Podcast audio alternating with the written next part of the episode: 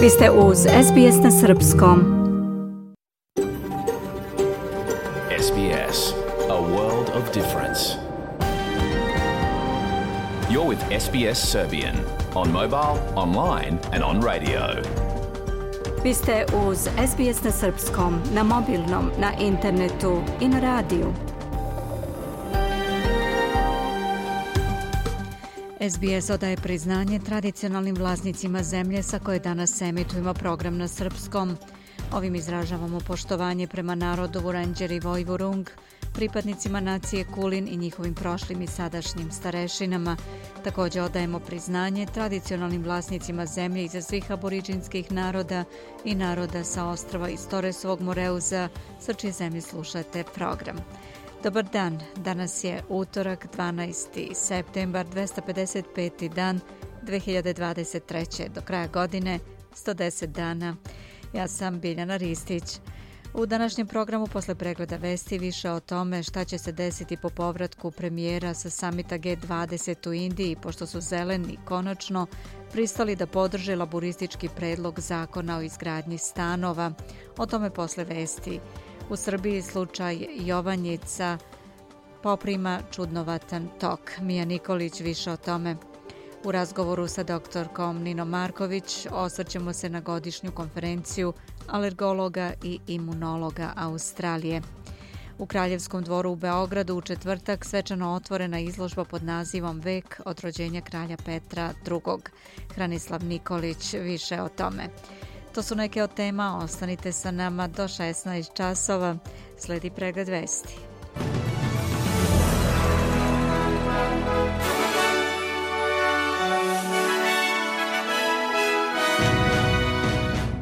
Kampanja protiv glasa optužena da koristi taktiku sejanja straha. Broj poginulih u zemlju tresu u Maroku preko 2800. U Skoplju održan samit lidera regiona u okviru 12. procesa Brdo Brioni.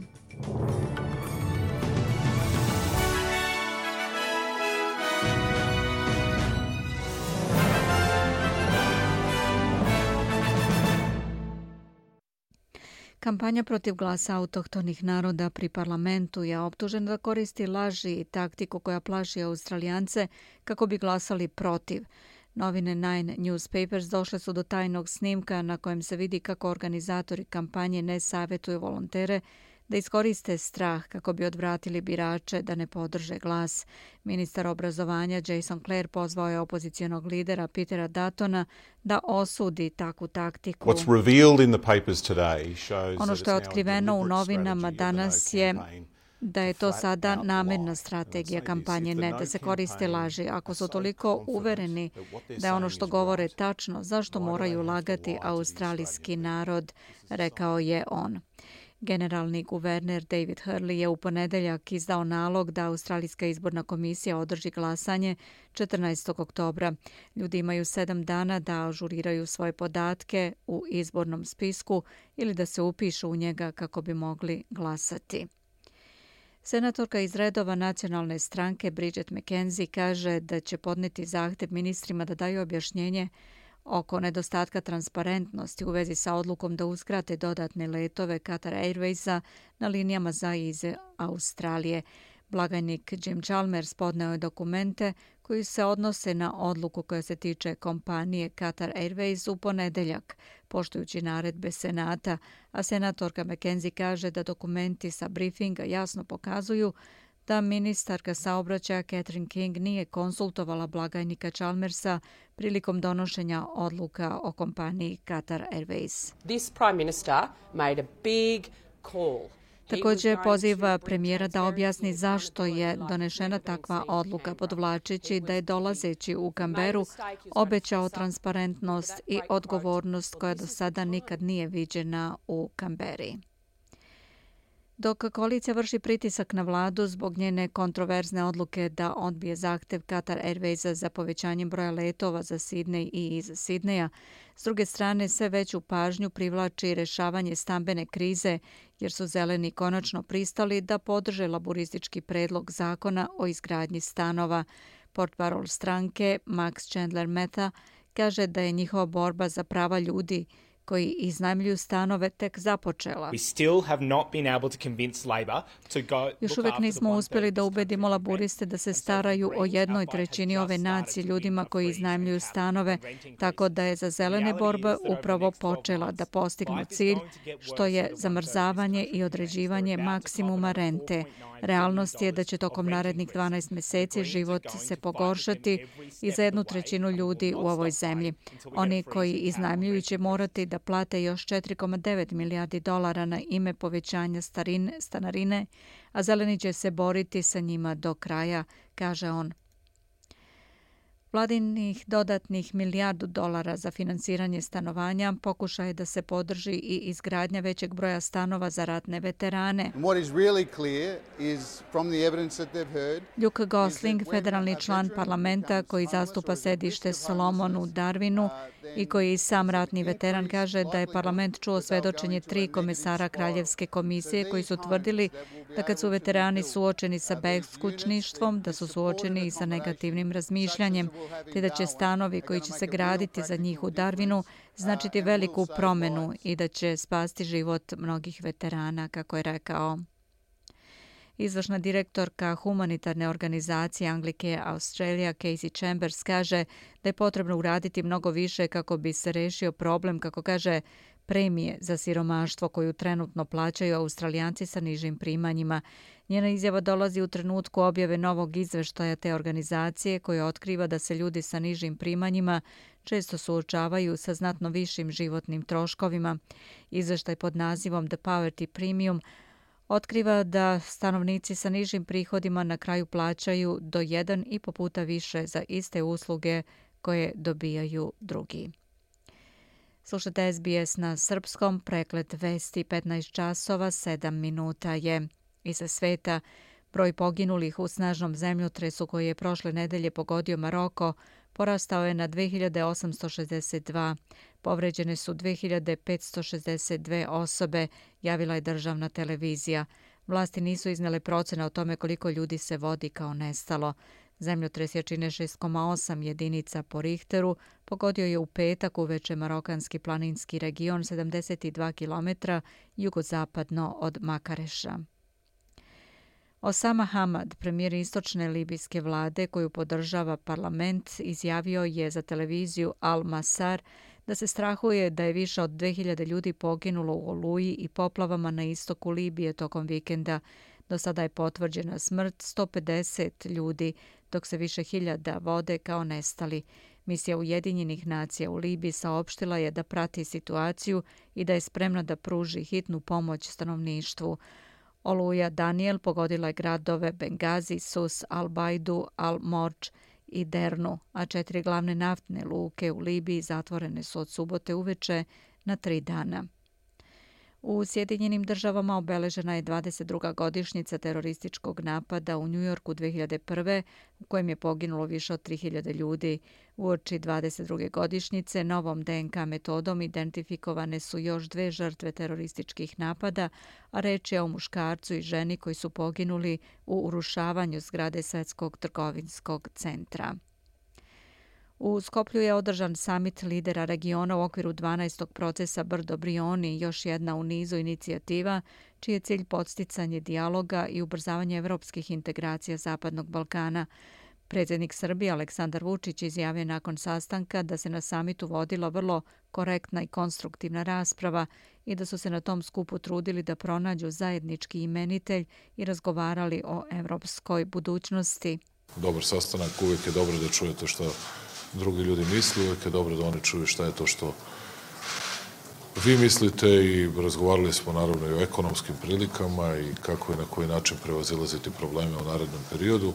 Nafta raste, nafta nije ovoliko visoko bila već godinu dana.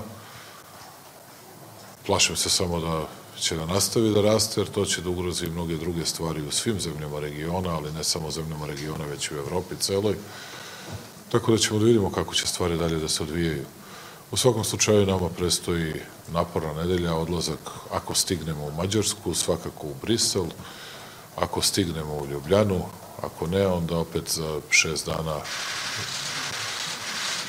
sedam za New York, na sednicu Generalne skupštine Ujedinih nacija, gdje ćemo imati mnogo sastanaka i gdje će biti mnogo zanimljivih tema. Komentarišući izjavu Aljbina Kurtija za estonski medij Delfi, koji je rekao da je Srbiju nemoguće bez biča odvojiti od Rusije, predsjednik Vučić je izjavio. Da budem sasvim ozbiljan, za mene je interesantno kako neki ljudi smatraju da je moguće da imaju pravo da traže od nekih trećih da primenjuju bič prema jednoj suverenoj zemlji.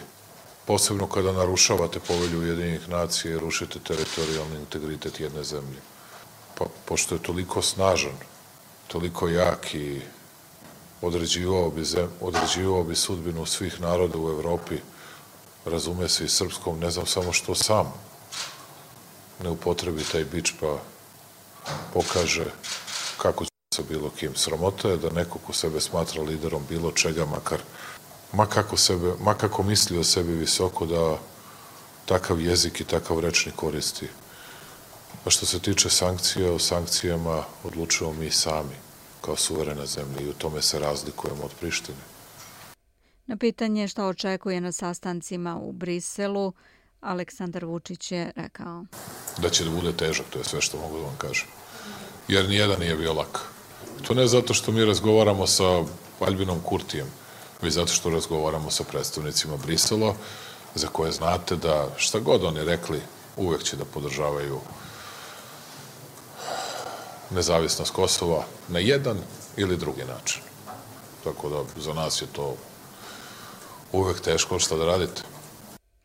Deo političke opozicije u Srbiji predao je zahtev u predsjedništvu za raspisivanje vanrednih parlamentarnih i beogradskih izbora do kraja godine, rekao je predsjednik demokratske stranke Zoran Lutovac ispred Skupštine Srbije. Očekujemo vrlo brzo odgovor na to, inače ćemo preduzeti sve što je potrebno i u parlamentu i van parlamenta da se a, izvrši pritisak, da dobijemo odgovor na to pitanje. Ali mi ne tražimo obične izbore, onake kakve Vučić do sada raspisivao, mi tražimo slobodne i poštene izbore. Marinika Tepić iz stranke Slobode i Pravde kaže da opozicija insistira na primjeni preporuka OEPS-a i organa Evropske unije po pitanju predizbornih uslova. Sastavni deo ovog našeg zahteva je stoga i insistiranje na primjeni preporuka OEPS-a, ODIR-a, Evropskog parlamenta, Evropske komisije u pogledu predizbornih uslova da bi demokratski izbori mogli biti mogući. Jelena Jerinic, Zeleno Levi front, kaže da opozicija zna proceduru prema kojoj vlada treba da predloži raspuštanje parlamenta. Nama je sasvim jasno i znamo kakva je procedura. Znamo da vlada treba da pošalje predlog za raspuštanje parlamenta i raspisivanje izbora ali je takođe očigledno da vlada u ovoj zemlji nije autonomna i da radi isključivo po nalogu i na mig Aleksandra Vučića. Predsjednik Aleksandra Vučića zahtev je zatekao na putu. Odgovor najavljuje usmeno i pismeno. Ali odjednom su se pojavili sa drugačijim mišljenjem posle četiri meseca i dostavili mi ga. Ja poštojem kad ljudi tako promene mišljenje. Ne znam šta se desilo u njihovim glavama, ali sam zadovoljan što je došlo do takve promene mišljenja.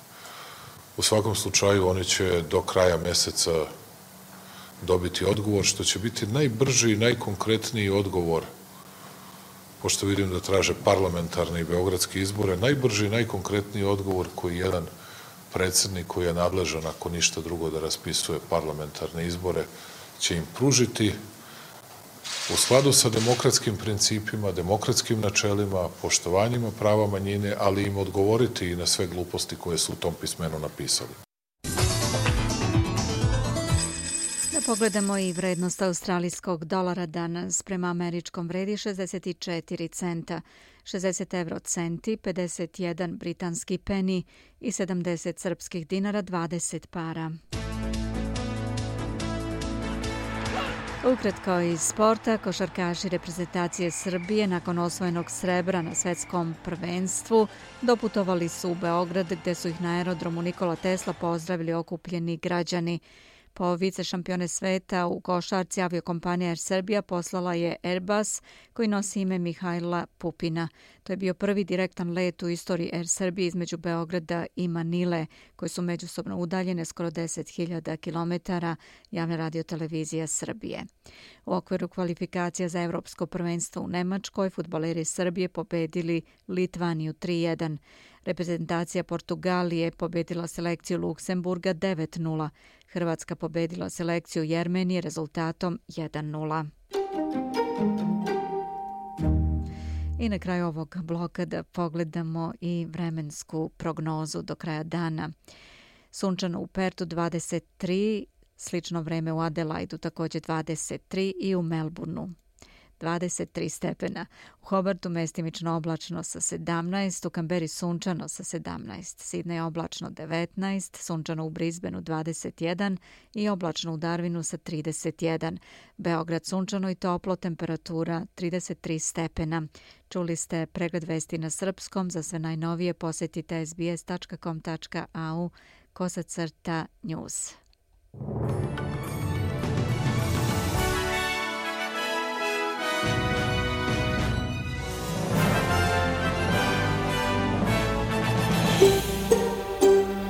Želite da čujete još priča poput ove?